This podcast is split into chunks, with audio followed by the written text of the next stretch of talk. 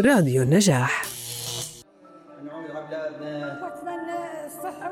تعد سوريا من بين دول المنطقة العربية التي تحتضن تنوعا ثقافيا ودينيا واسعا. فما هي خارطة التنوع الثقافي والديني في سوريا؟ وما هي سمات هذا التنوع؟ ترجع مثل قبل سوريا ونرجع وكيف يكون التنوع مصدر غنى للإنسان وللصالح العام؟ ومتى يكون التنوع مصدر للصراع والعنف والكراهية؟ أنا عبد الله الجبور وهذه حلقة جديدة من الهوية بودكاست. يسعدني في هذه الحلقة استقبال الدكتور محمد حبش المجتهد في الفكر الإسلامي والعمل الأكاديمي والمهتم بقضايا تجديد الفكر الديني والتعددية والتنوير.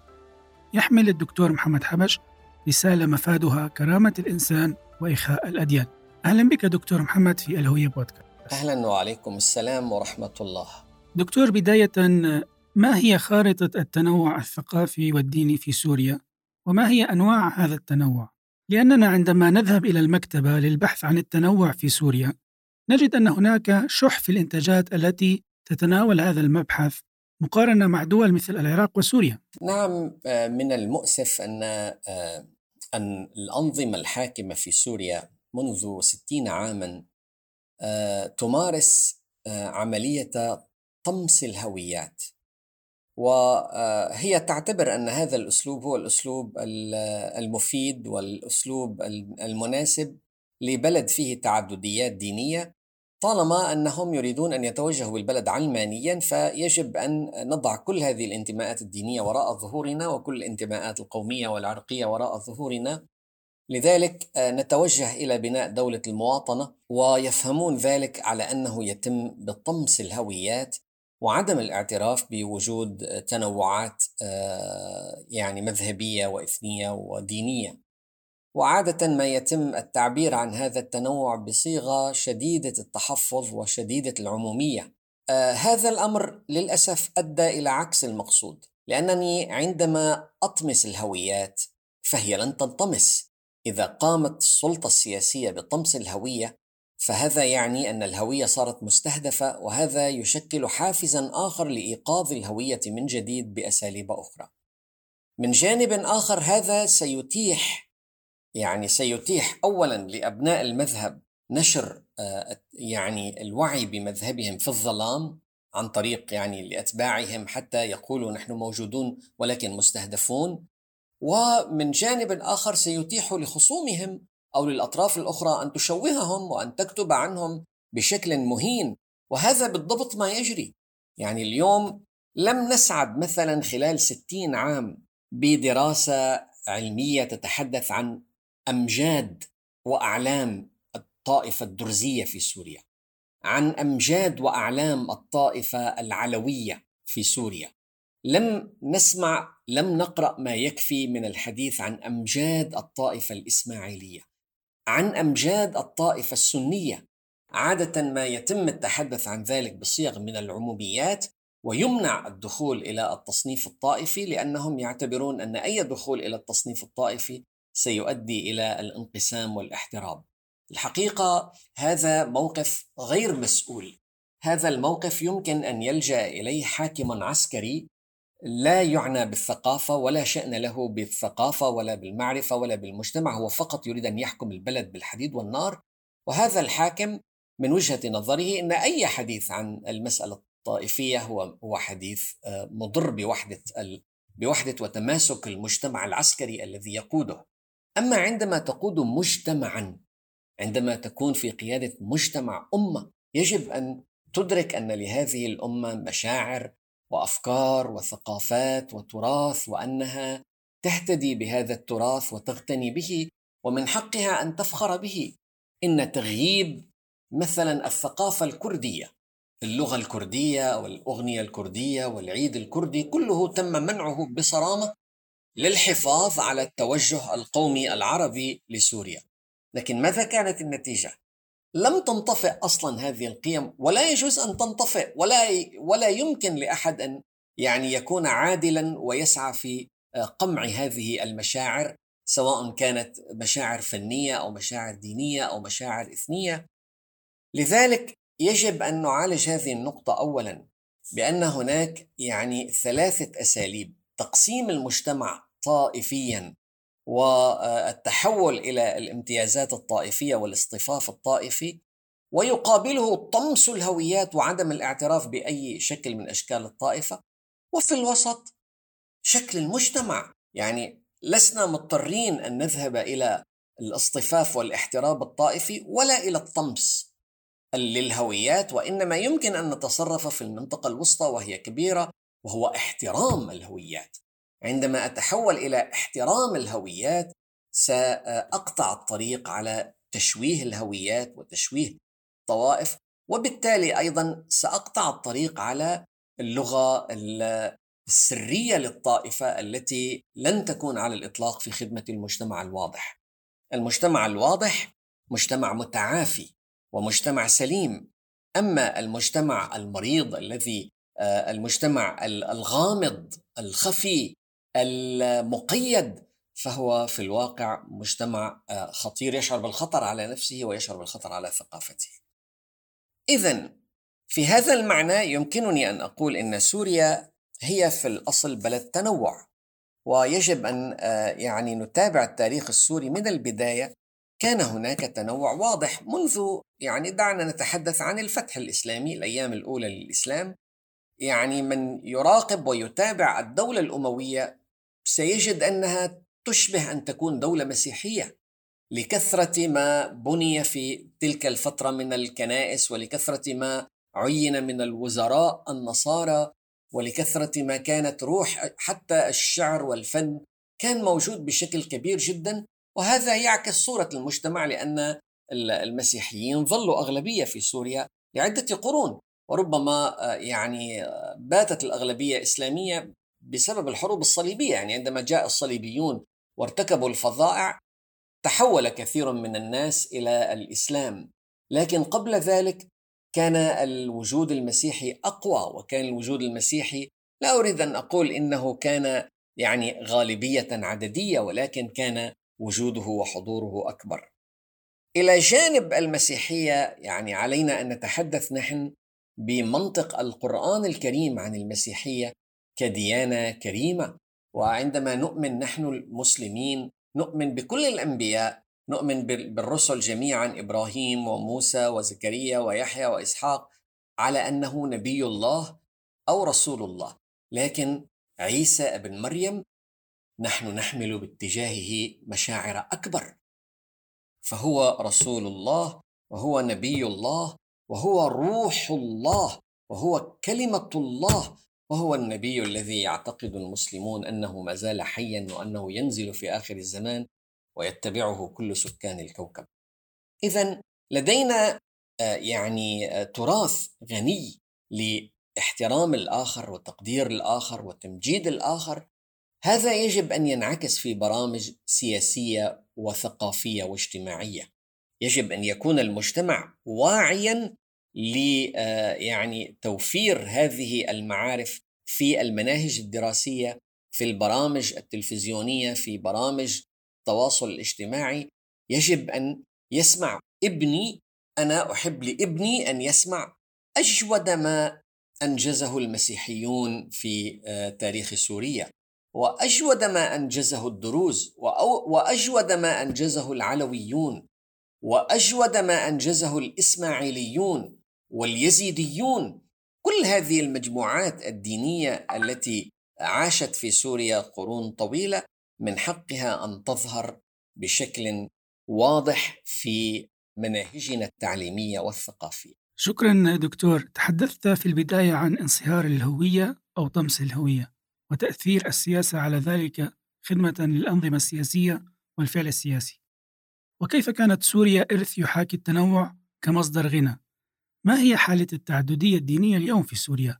حالة المسيحية أو اليهودية إن كانت موجودة وعلى عاتق من تقع مسؤولية التربية على التنوع؟ في الواقع كما قلت لك الأنظمة السياسية المتعاقبة كانت تخاف من هذه المسألة وكانت تفضل أن آه، يعني تمنعها عن التداول بشكل كامل كانت ترى أن أفضل طريقة أن نمنع هذا الأمر عن التداول ولكن يعني النتائج كانت آه، كارثية لأنني خلقت الغامض عند الآخر الغامض الآخر والمختفي الآخر والمكنون الآخر وبالتالي منحت نفسي أيضا أنا أن أكون أنا الرقيب وأنا الحسيب وأنا الذي أقيم الجميع.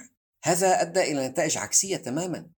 كان من مسؤولية الدولة أن تتحدث عن كل الألوان في العلم السوري عن كل الألوان الدينية والقومية باحترام طالما أن هناك خمسة مواطنين ينتمون إلى هذا الدين يجب أن يكون هذا الدين محترما ماذا يعرف المسلمون عن اليزيدية مثلا؟ المسلمون يعرفون أن اليزيدية يعبدون الشيطان وأنهم إذا وضعت لهم دويرة ينحبس فيها اليزيدي وما يخرج منها مسائل خرافية كاملة لا علاقة لها بالديانة اليزيدية هل تتصور ديانة بلا قيم؟ هل تتصور ديانة تعبد الشيطان؟ هذا لا يجري إلا في العقول المريضة جيرانك وإخوانك ويسمعون مثلك ويكافحون مثلك كيف تتصور أنهم يعبدون الشيطان؟ لماذا نشأت هذه الفكرة؟ من الغموض من عدم السماح بتداول الأمر يجب أن يبقى هذا الموضوع مكتوما هناك آلاف من اليزيديين يعيشون في دمشق ويعيشون في حلب ومستحيل أن يفصحوا عن دينهم أو أن يقولوا إنهم ينتمون لأنهم سيواجهون تنمرا فظيعا من المجتمع. من المسؤول؟ الدولة. الدولة كان عليها أن تنظم برامج آه، تحمي هذه الهويات. ليس تحميها بطريقة النعامة أن ندفن رأسنا في الرمال بل تحميها تعريف بها واحترامها واحترام رجالها وتخليد رجالها وأيضا الاستفادة من قيمها. هذا كان مسؤولية الدولة ومسؤولية طبقة آه، يعني الطبقة المثقفة. لذلك نحن نعتبر أن رسالتنا هي إخاء الأديان وكرامة الإنسان لأن الناس سينتمون إلى هذه الأديان ولن ينتهي الانتماء. ربما نشأ الموقف السياسي أيضا من دافع آخر وهو أن الأديان هو هي أنماط رجعية آه، تعود إلى الماضي ونحن نريد أن نفكر بالمستقبل ونريد أن نكون علمانيين. ولا نريد أي اعتبار للدين. أيضا هذه قراءة خاطئة. والأديان ليست إلى أفول، من يتصور أن الأديان إلى أفول فهو لا يعرف العالم. أنا شخصيا يعني أحاضر من أربعين سنة بكل مجال لأنني أستخدم خطابا عقلانيا فأنا تأثيري أقل بعشرين مرة من زملائي الذين اختاروا الخطاب العاطفي الديني ولم يخرجوا عن سياق الجمهور لقد أصبحوا بجماهير مليونية. الله يبارك لهم أنا أغبطهم لكن الحقيقة أن مجتمعنا هناك وليس هنا. أنا أخاطب جزء مهم من المجتمع ولكن الشريحة العظمى لا تلتفت إلي إنها لا تزال تقاد من معابدها وتقاد من عمائمها. إن آه، بيو أكبر مركز لإحصاء الأديان يقدم إحصائية أن 87% من سكان الكوكب ينتمون إلى دين ما وأن الذين يصرحون بأنهم لا ينتمون إلى أي دين هم 13% فقط. وهذه النسبة مرشحة للاستمرار 50 عاما على الأقل. لا أريد أن أدخل في تفاصيل بعيدة لكن ما أقوله هنا بشكل أساسي هو أن مسؤولية الدولة هي تخليد أعمال آه، ما ما قدمه ما قدمه التنوع الثقافي والديني خلال التاريخ. أنا كسوري يجب أن أعلم أن آه، المسيحيين كانوا آه، جزء أساسي في بناء الدولة الأموية وأنهم كانوا أصلا هنا موجودين وأنهم حافظوا على الكراسي الأساسية للكنائس الشرقية في بلادي في سوريا وأنهم يشكلون رصيدا لهذا الشعب للأمة السورية في كل مكان في العالم. أنا كسوري يجب أن أعلم أنه وفد إلى هذه البلد المذاهب الأربعة آه، الشافعي من هو، أبو حنيفة من هو، المالكي من هو، أحمد بن حنبل من هو، هذه المعلومات يجب أن يعرفها المسلم والمسيحي والدرزي والعلوي ويدرسها باحترام. هل يدرس الدرزي باحترام أبو حنيفة والإمام مالك؟ أنا أقول لك لا، يدرسه بغموض انه ممنوع عليه انه يفتح هذا الموضوع وهل يدرس العلوي هذه الأسماء نفس الشيء أيضا نحن هل ندرس نحن الحسين بن حمدان الخصيبي ولا المجتبى العاني ولا محمد بن نصير النميري أعلام العلوية ولا المخزون السنجاري؟ هل ندرسهم باحترام؟ مطلقا مطلقا. عندما تجد شخص يحترمهم سيتناوله المئات بالقذف آه، والإهانة والتنمر. ليه؟ لأن الدولة لم تقم بواجبها. تركت هذه العلاقات يعني هي اختارت أسلوب أنه تجاهل كل هذا الاختلاف والبحث عن الوطن الواحد والعلم الواحد. ليش من قال إنه العلم الواحد يعني الانصهار والتذويب ومنع ظهور الآخرين؟ في علم أمريكا خمسين نجمة خمسين كل نجمة اسم ولاية من الولايات لازم تعرفها كلها. إذا ما عرفتها أنت لست وطنيا يعني كل واحدة تعرفها بلونها وبثقافتها وبواقعها. لذلك يعني أريد مناهج تعلمني ماذا قدم أبناء الطائفة الموحدة أو الطائفة الدرزية؟ ماذا قدموا لسوريا؟ ماذا قدم العلويون لسوريا؟ ماذا قدم الإسماعيليون؟ الاسماعيليون قدموا للعالم الدولة الفاطمية سلمية هذه هي التي هي التي صنعت القاهرة بيقولوا القاهرة أم الدنيا سلمية أم القاهرة. هذا حقيقة لا ينكرها أحد. طيب لماذا لا أحتفي بهذا المعنى. لماذا لا أحدث في مناهجي أن هناك مذهب ديني اسمه المذهب الإسماعيلي وهذا المذهب نجح في توحيد الشمال الأفريقي كله ووصل إلى الحرمين ووصل إلى الشام ووصل إلى العراق ووصل إلى اليمن وخلق أقوى قوة في القرن الثالث الهجري والرابع الهجري والخامس الهجري. أقوى قوة كانت في هذا الشرق هي القوة الدولة الفاطمية. بينما نحن بنسأل عنها يقولون إن الدولة الخبيثية العبيدية حتى اسمها لك لا تنابزوا بالألقاب حتى اسمها. يقول لك الخبيثية العبيدية ال ال ما بعرف إيش عندهم من التنمر بينما يجب أن يذكر هؤلاء باحترام. ليه؟ لأنه في بلدي في سوريا هناك أكثر من عشرة أشخاص يعتنقون المذهب الإسماعيلي. هذا يكفي عشرة أشخاص يكفي.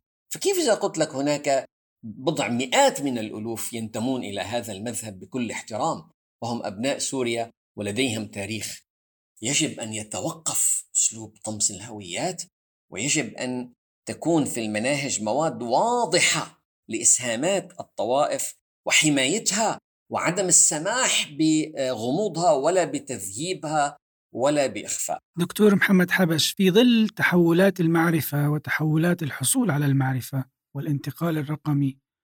ما هي رسالتك إلى الشباب في سوريا وفي المنطقة العربية؟ الذي ربما كان جزء منه ضحية السياسات الثقافية الاجتماعية السياسية التي لم تتح له مناهج التعليم الرسميه أن يعرف الآخر. واليوم في ظل التحول نحو الفضاء الرقمي العام المشترك كيف يمكن لجيل الشباب أن يتعامل مع الآخر أن يعرف الآخر؟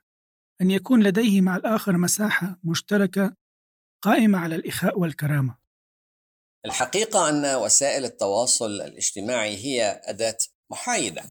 هي أداة يعني لا يمكن المراهنة عليها في نشر الوعي لأنها تنشر الوعي وتنشر الجهل أيضا. يعني هناك أيضا آه، يعني نفس نفس مثلا مسألة الطوائف. يعني في الماضي كان الممكن مثلا السني ما يعرف ما يكفي عن العلوي ما يعرف ما يكفي عن الإسماعيلي. طب الآن الإسماعيلي عمل قناة وشرح نفسه لكن بالمقابل في واحد متعصب عمل قناة مضادة ويعني آه، بدأ بتشويهه. يعني يمكن يمكن نحن وآبائنا ما سمعنا عن فظائع مثلا ارتكبت في الماضي اليوم يسر وسائل التواصل الاجتماعي يسرت الفرصة أنه نحن نشوف شو فظعنا ببعض. يعني أنا اللي كنت عم قوله خلينا نحن نشرح التاريخ لنشوف كيف يعني بنينا مع بعض في آخر عم يشتغل خلينا نفتح التاريخ فعلا لنشوف كيف فظعنا مع بعض وكيف قتلنا بعض وكيف أدمينا بعض. فلذلك يعني وسائل المعرفة وسائل التواصل الجديدة آه، عندما لا نحتاج لا نملك الوعي الكافي فهي أيضا أداة ذو حدين وممكن تكون مدمرة. يعني ما فائدة آه، السيارة السريعة والقوية إذا كان الاتجاه خاطئا. يعني أنت عم تقول له أمشي طيب هو ماشي 100 صار 150 صار ماشي 200 بس ما الفائدة إذا الاتجاه خاطئ؟ هو يبتعد ولا يقترب. لذلك أنا أقول يعني عندما تتوفر هذه الوسائط فهي أدوات خطيرة. الرهان هو على الوعي. الرهان هو الوعي المجتمعي. عندما نخلق الوعي فكل الأدوات ستنفعنا في بناء ثقافة آه، ثقافة وئام ومحبة. وعندما يغيب الوعي فكل الأدوات أيضا ستزيد من الكراهية. بالتأكيد اليوم صار عند عند السني يعني مكتبة كاملة من الفيديوهات الحقيرة التي تشتم الصحابة اللي كان مثلا يقولها آه، آه، الحوزات الشيعية المتعصبة. كنا ما نسمعها كانت ما توصل لعنا من قبل الآن. وصلت؟ وصلت. قبل ما يوصل خطاب التسامح وصل خطاب الكراهية. بالتالي أيضا فتاوى ابن تيمية فتاوى الغزالي اللي قالت بإبادة الطوائف ويعني سفك دمها يمكن ما كانت واصلة للشيعي من قبل اليوم وصلته. ما كانت واصلة للعلوي اليوم صارت عنده في مكتبته اعاد طباعتها وحطها بكل واحد حاطها بكمبيوتر بملفات خاصة بيقول لك تعال شوف الآخر شو عم يحكوا علينا. لذلك يعني نحن مالنا آه، في آه، مرحلة يعني ليس المطلوب هو انتظار التقدم العلمي. التقدم العلمي هذا تقدم تقني. لا يخلق لا يغير في الحقائق. اللي يغير هو الوعي. علينا نحن أن نمارس الوعي والوعي هو الذي يغير. لذلك يعني آه، اليوم آه، كما قلت لك هناك رصيد صار متاح لمعرفة كيف نكره آه، الطوائف وكيف تكرهنا الطوائف وكيف يجب أن نكره الأديان وكيف يجب أن تكرهنا الأديان.